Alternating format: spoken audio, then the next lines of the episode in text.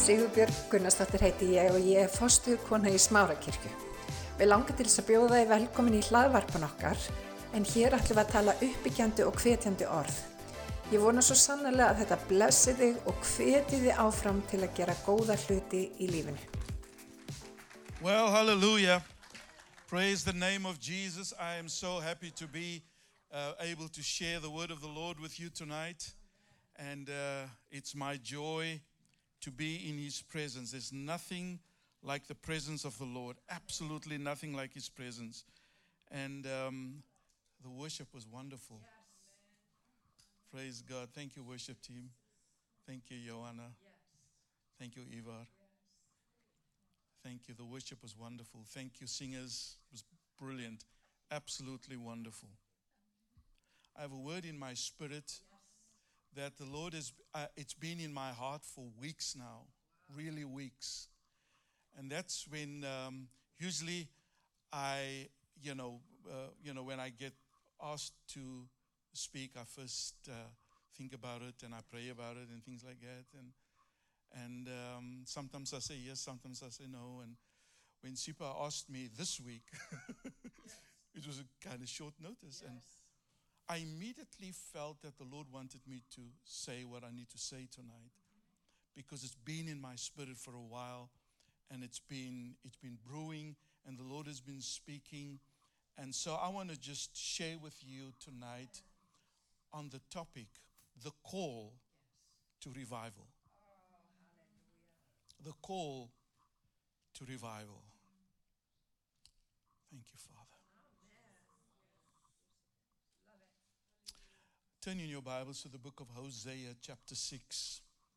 The book of Hosea, not Isaiah, Hosea. Hosea, chapter 6, verses 1 to 3.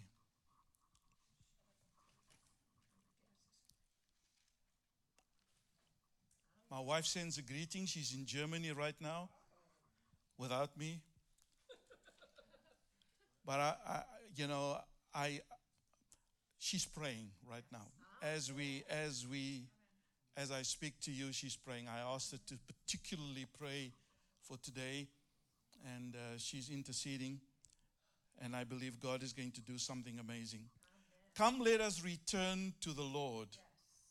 He has torn us to pieces but He will heal us.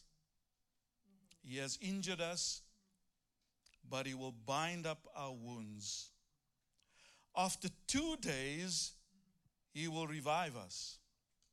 And then on the third day, He will restore us, that we may live in His presence. Let us acknowledge the Lord. Let us press on to acknowledge Him as surely as the sun rises, he will appear. He will come to us like the winter rains, like the spring rains that water the earth.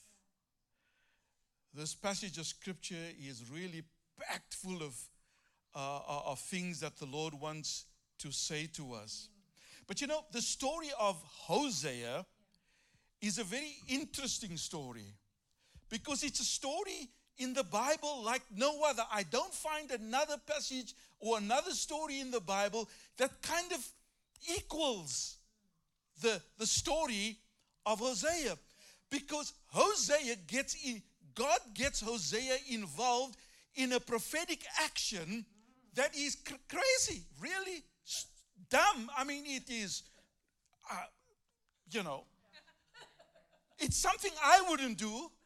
But yet God got Hosea to do what he did. In fact, God said to him, Go find a prostitute called Gomer and marry her.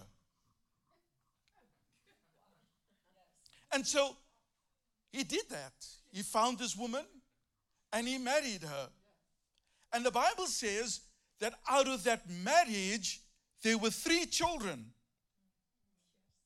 And even though they were married and they were three children, she did not belong to him because she was pumped out by somebody else. She was a slave to somebody else and she belonged to somebody else. And then after a while, she got tired of him and left, went back to her old lifestyle. And God said to him, I want you to go and find your wife.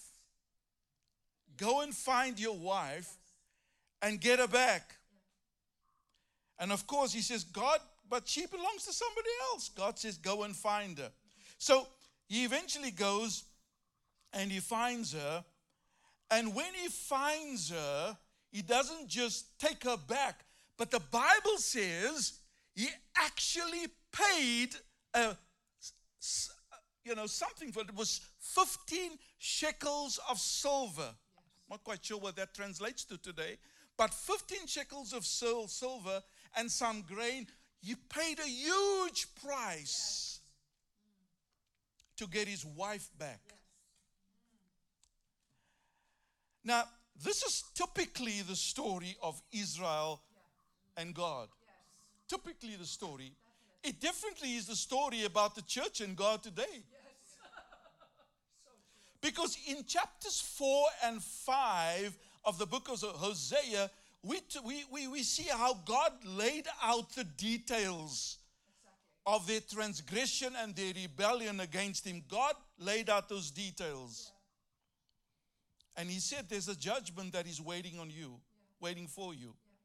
But you know, in chapter 6, this chapter that we've been looking at, God gave them an opportunity to return to Him. And then He gave them a wonderful promise.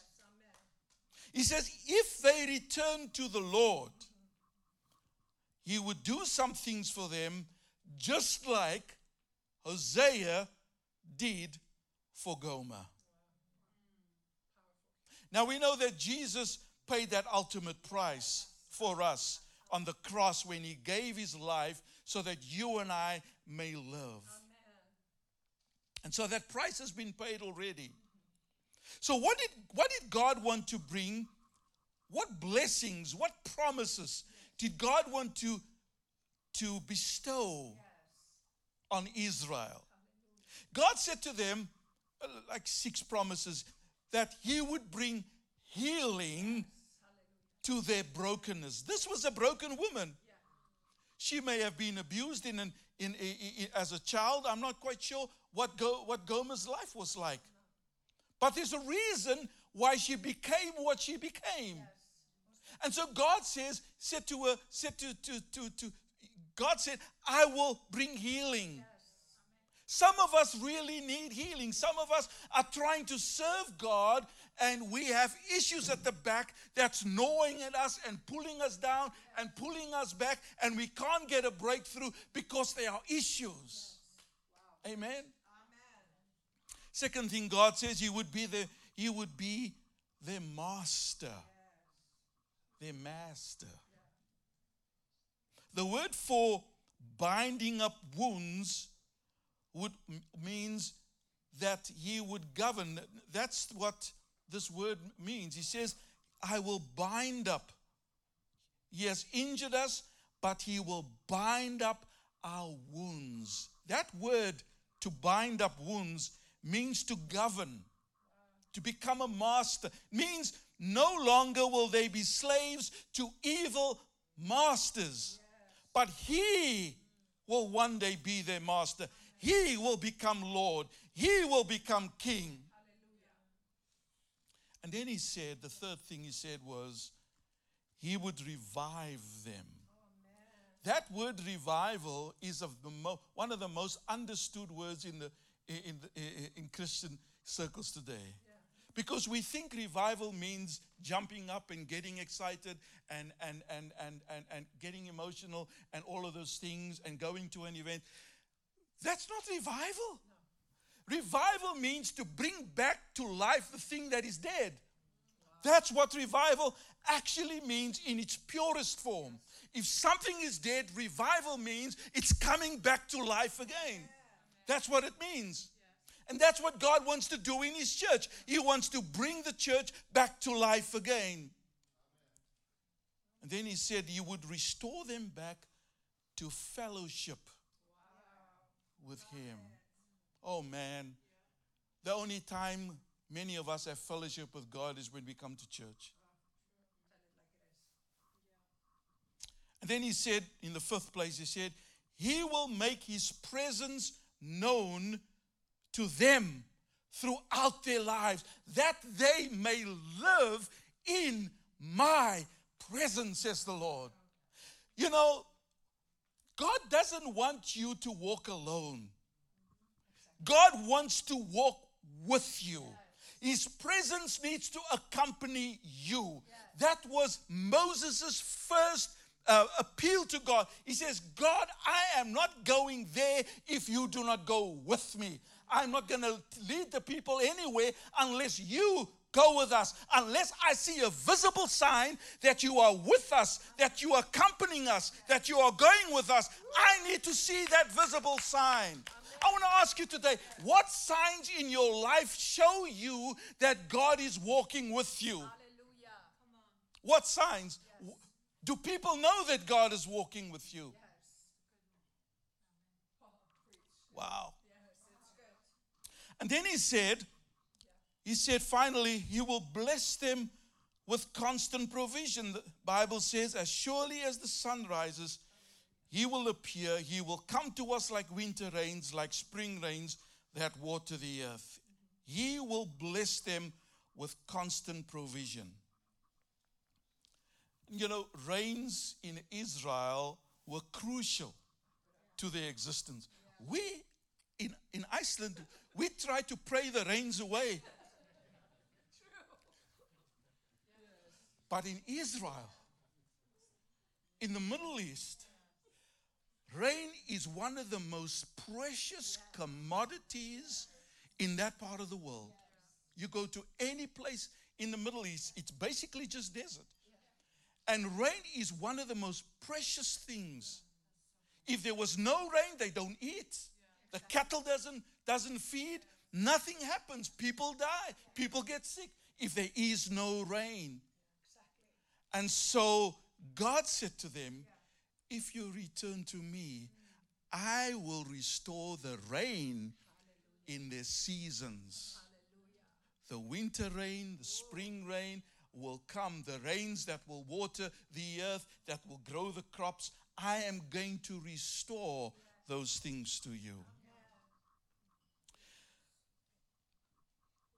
Now, I want to I need to point out something that in the same way that Hosea wanted Gomer to thrive as a woman, God wanted Israel to thrive. You know, the goal of revival is so that we can thrive. That's the goal of revival so that we can actually live like we belong to a king. That's the goal of revival, so that you and I can actually live a kingdom kind of lifestyle. Hallelujah. God wants you and I to thrive in every way possible. We need to thrive spiritually. We need to thrive emotionally. We need to thrive mentally. We need to thrive physically. I'm getting there. Slowly. But then he also wants us to thrive in relation to extending the kingdom. Now, brothers and sisters, this is the plan of God for every life here today. That's God's plan for you. And his call to us is don't wait. Don't wait. Do it today. Because today, if you hear his voice, do not harden your heart. God wants to revive us so that we can enjoy every one of these benefits. But you know what the issue for us is? The issue for us in Iceland and the issue for people in America and the issue for people around the world is this we are waiting for an event. Wow. So That's the issue with us. We are praying for revival and praying for an event to take place. That's what that's what our issue is. We are praying for an event to take place. Lord, revive Iceland in 2024. Lord, revive Iceland in Smárakirkja. We, we, we, you know, we are praying for an event.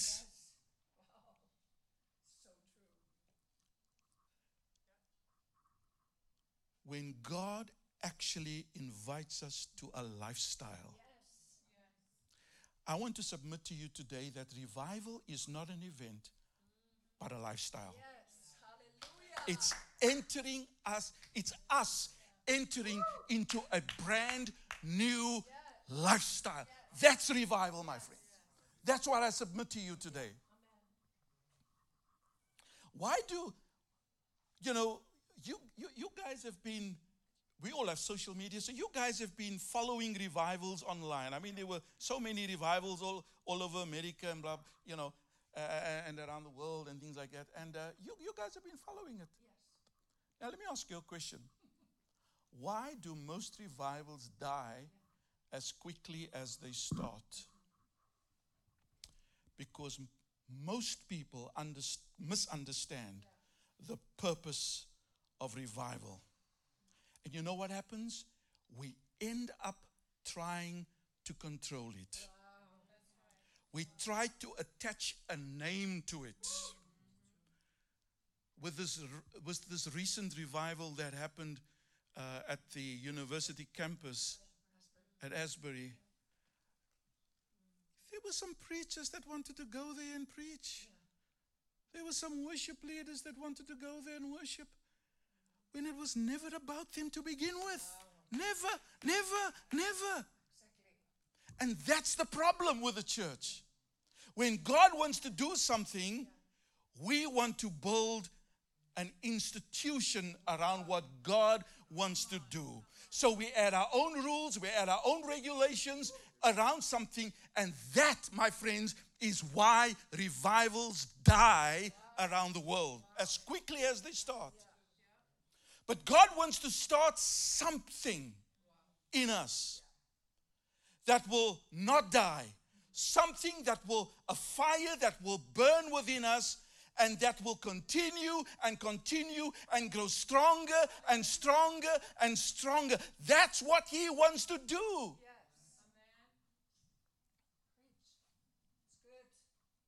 And so I, I, want to submit to you that revival is not an event to be visited or experienced, but it is a lifestyle to be lived. And this is the intention of the Lord.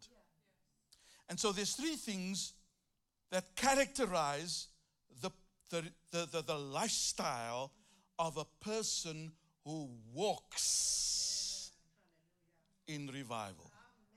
Now, some of you are not going to shout at what I'm going to say right now. But I can tell you, unless, you know, we actually receive these things into our hearts that God is wanting to release to us right now, we probably are not going to see the kind of revival that God is talking about. The first thing that I want to, the first thing that, um, thing that um, needs to characterize our lifestyle is a cuss word that I want to use. It's a cuss word in the church. The church doesn't use it. It's forbidden to use this word in the church. It's the word repentance.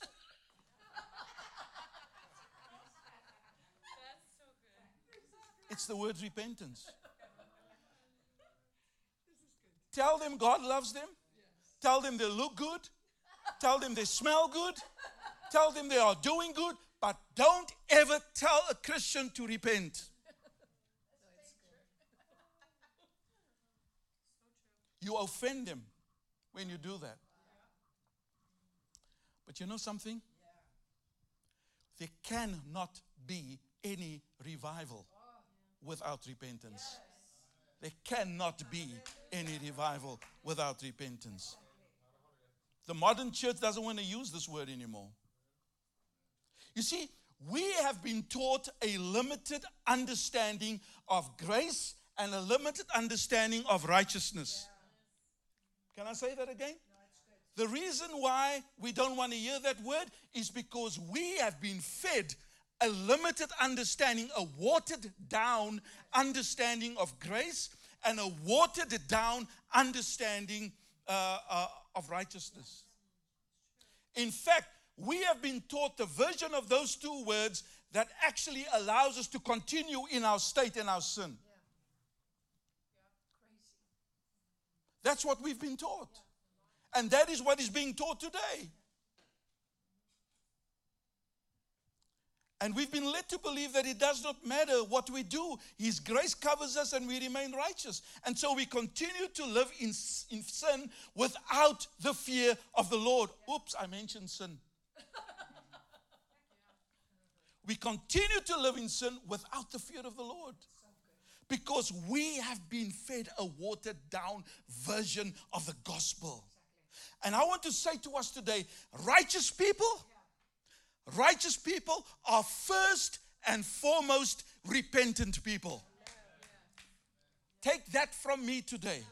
If you, the, the, the, the, the character of a righteous man is that he is quick to repent. Quick to repent.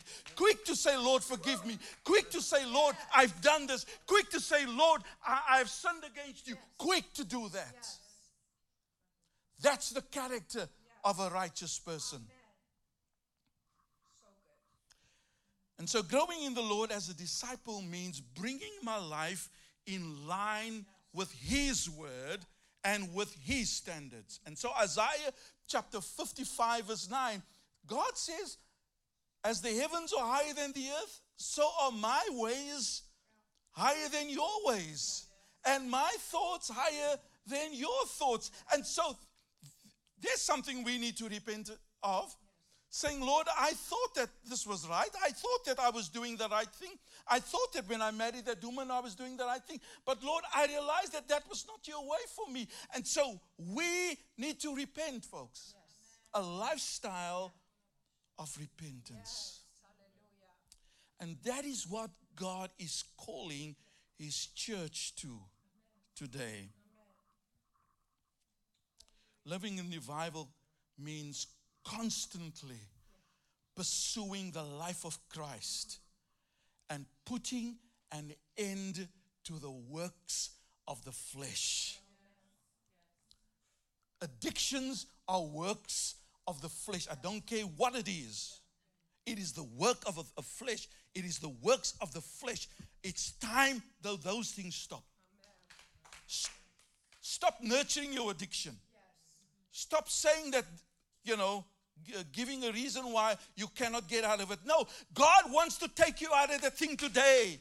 It's, it's time to, to, to say to the Lord, I cannot do this anymore. I cannot do this on my, my, myself. I'm on the 14th step already and it doesn't work, Lord. So I, I need you to, to take this away right now in Jesus' name. I, I lay it at the, feet, at the cross, Lord Jesus. And, and, and, and, and right now, I take authority over this addiction in Jesus' name. Lord, what you did for me on the cross of Calvary when you took away all my sins and my unrighteousness and my addiction. Right now, I claim that benefit for my life in Jesus' name. And right now, I declare that I am free of this addiction in Jesus' name. Hallelujah. And so when the urge comes, you say to the devil, Sorry, I'm not going to do that anymore because I have been set free by the blood of Jesus. I have been set free because he paid the price on the cross for me. And the fact that you that you that you give it to the Lord doesn't mean uh, the devil's going to stop tempting you with it. He will. Just say no to him. That's as easy as it is. Just say no to him.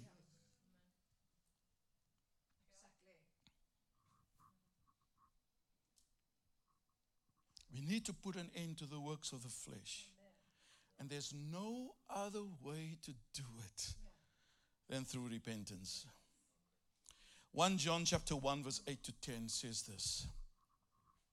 If we claim to be without sin, we deceive ourselves. And the truth is not in us. But if we confess our sins, faithful and just to forgive us our sins and to cleanse us from all unrighteousness. If we claim we have not sinned, we make him out to be a liar. There are so many Christians today that are making God out to be a liar.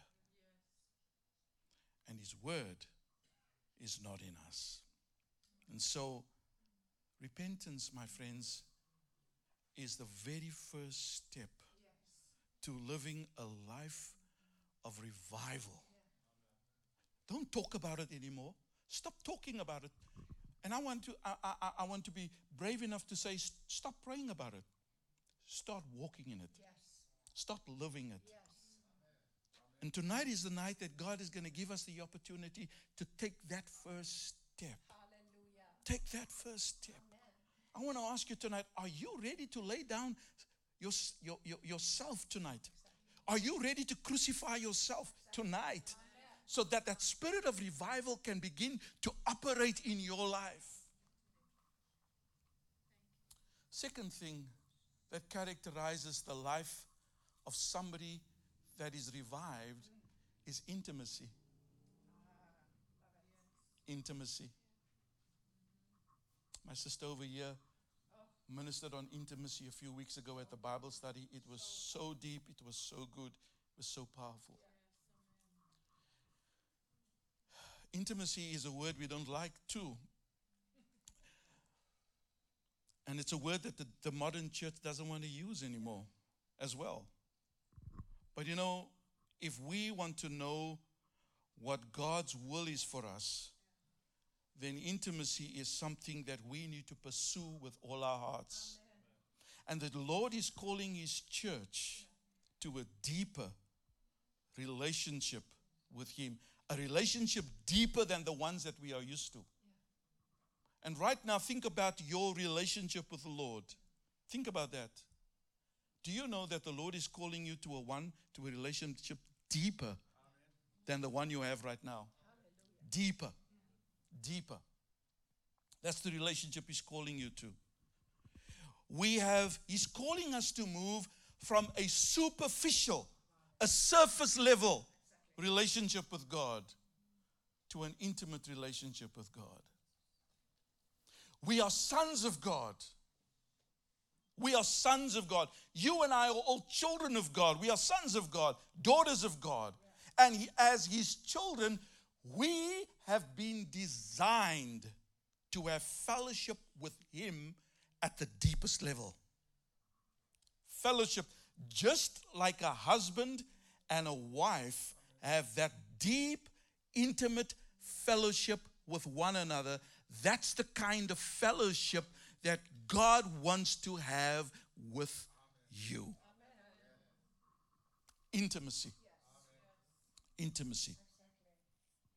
Psalm 73, verse 20, 28 says, But as for me, it is good to be near God. I have made the sovereign Lord my refuge, and I will tell of your deeds. It is good for me to be close to God. It is good for me. And I want to say to you, there is no better place to be today than to be as close to the Lord as you could possibly be. My mother is going to be 90 either next year or, or sometime soon.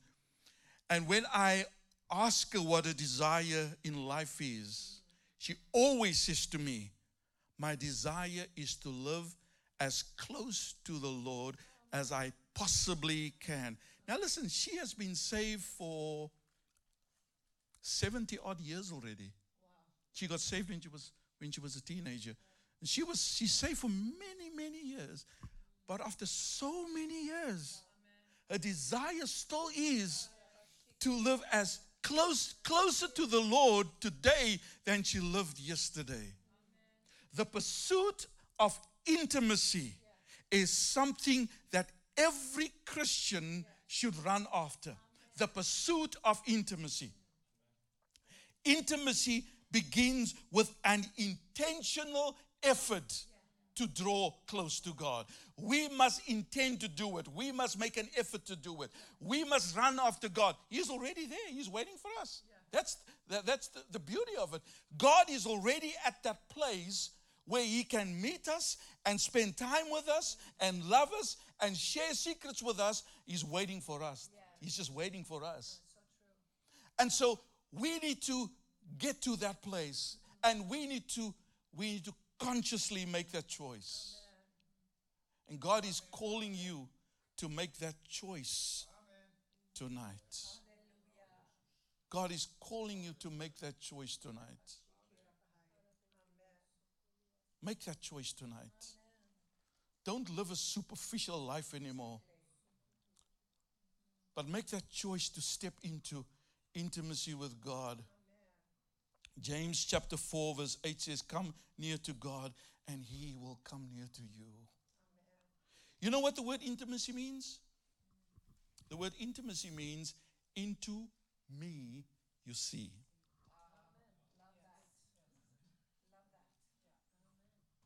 Where my life becomes like a glass where God can literally just look into and see everything. David said, Where can I go from your presence? Where can I hide from you? I can't hide from your spirit.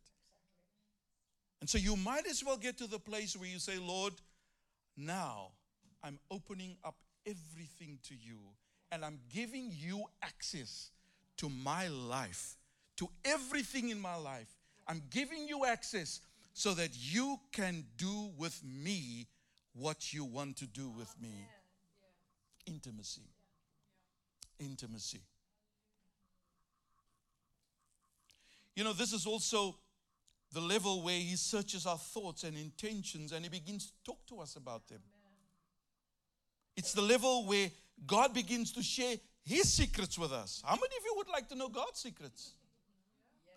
He begins to share His secrets with us, what His intentions are, what His plan is for the world, where we begin to feel His burden and hear His heartbeat. How many of us tonight really have a burden for the world that is lost? That's God's heartbeat. That's His burden. That's His burden. But He wants to share that burden with you. He wants you to catch that compassion. He wants, he, he wants you to, to catch that tonight. Because that's his, his heart, that's his heartbeat. And it's going to require us to, to cut ties with things that occupy our time. There are some things that you're going to have to say no to, goodbye to. You don't need 13 social media accounts.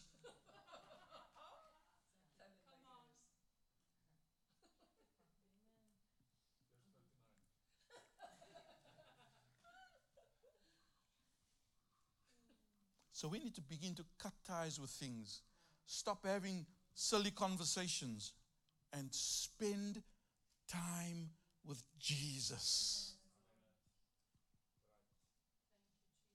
You see, my friends, revived Christians are Christians that walk in intimacy with God. Hallelujah! And then the final thing I want to talk about is another thing that characterizes a revived Christian is hunger. Hunger. It sounds like a contradiction, doesn't it? because we usually attribute the word hunger to the unsaved. They're hungry for the gospel. They, you know, they're hungry f- to hear the word of the Lord.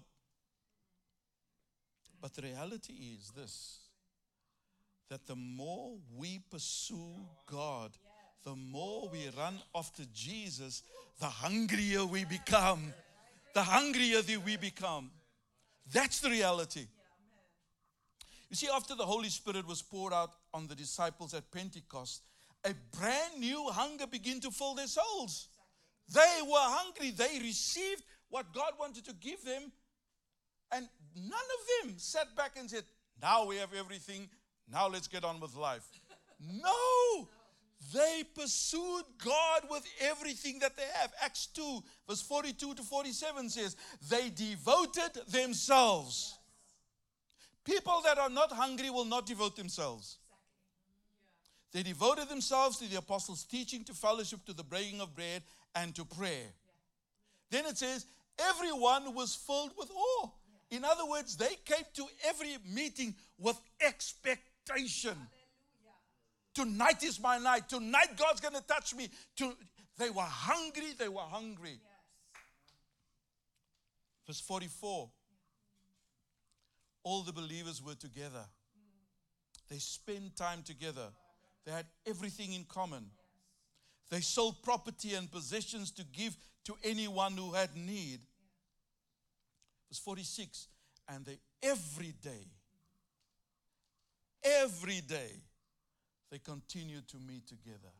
Wow. Wow. Imagine every day, not once a week, not on Sundays only. Every day they continued to meet together.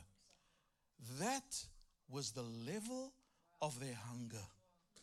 They broke bread in their homes and ate together with glad and sincere hearts. The more of Jesus they received, the more hungrier they became. I want to ask you tonight how hungry are you? How hungry are you? Are you satisfied with the occasional experience that you have sometimes, the goosebumps? Or do you want to move to a place where every day is an encounter with Him? Every day. Every day becomes a new day with God. Every day becomes part of, a, of an exciting adventure. Every day I feel His presence. Every day I hear His voice. Every day we have communion. Every day there's intimacy. Every day there's fellowship. Every day He speaks to me. Every day He listens to me. Every day I listen to Him. It happens every single day. Do you want that? That's what He wants you to have every day. A revived person is a hungry person.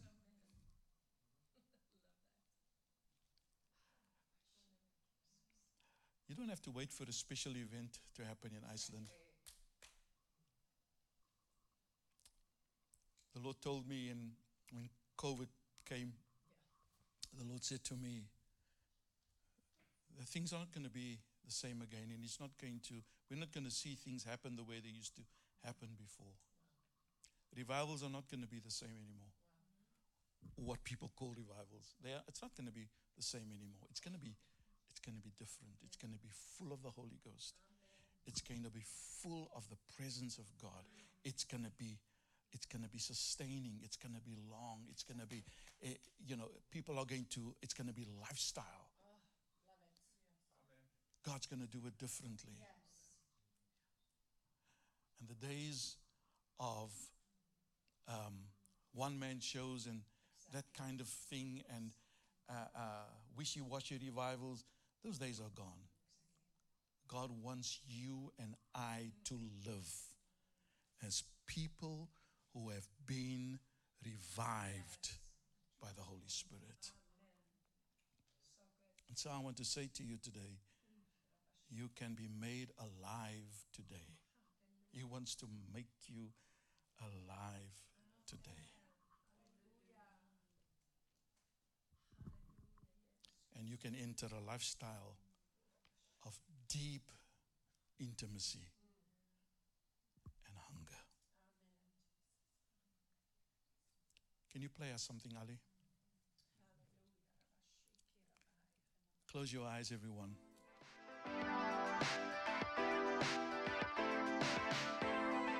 Ég hveti til þess að stilla inn á okkur með reglum hætti því að hér verður alltaf eitthvað nýtt á nálinni. Takk fyrir að hlusta.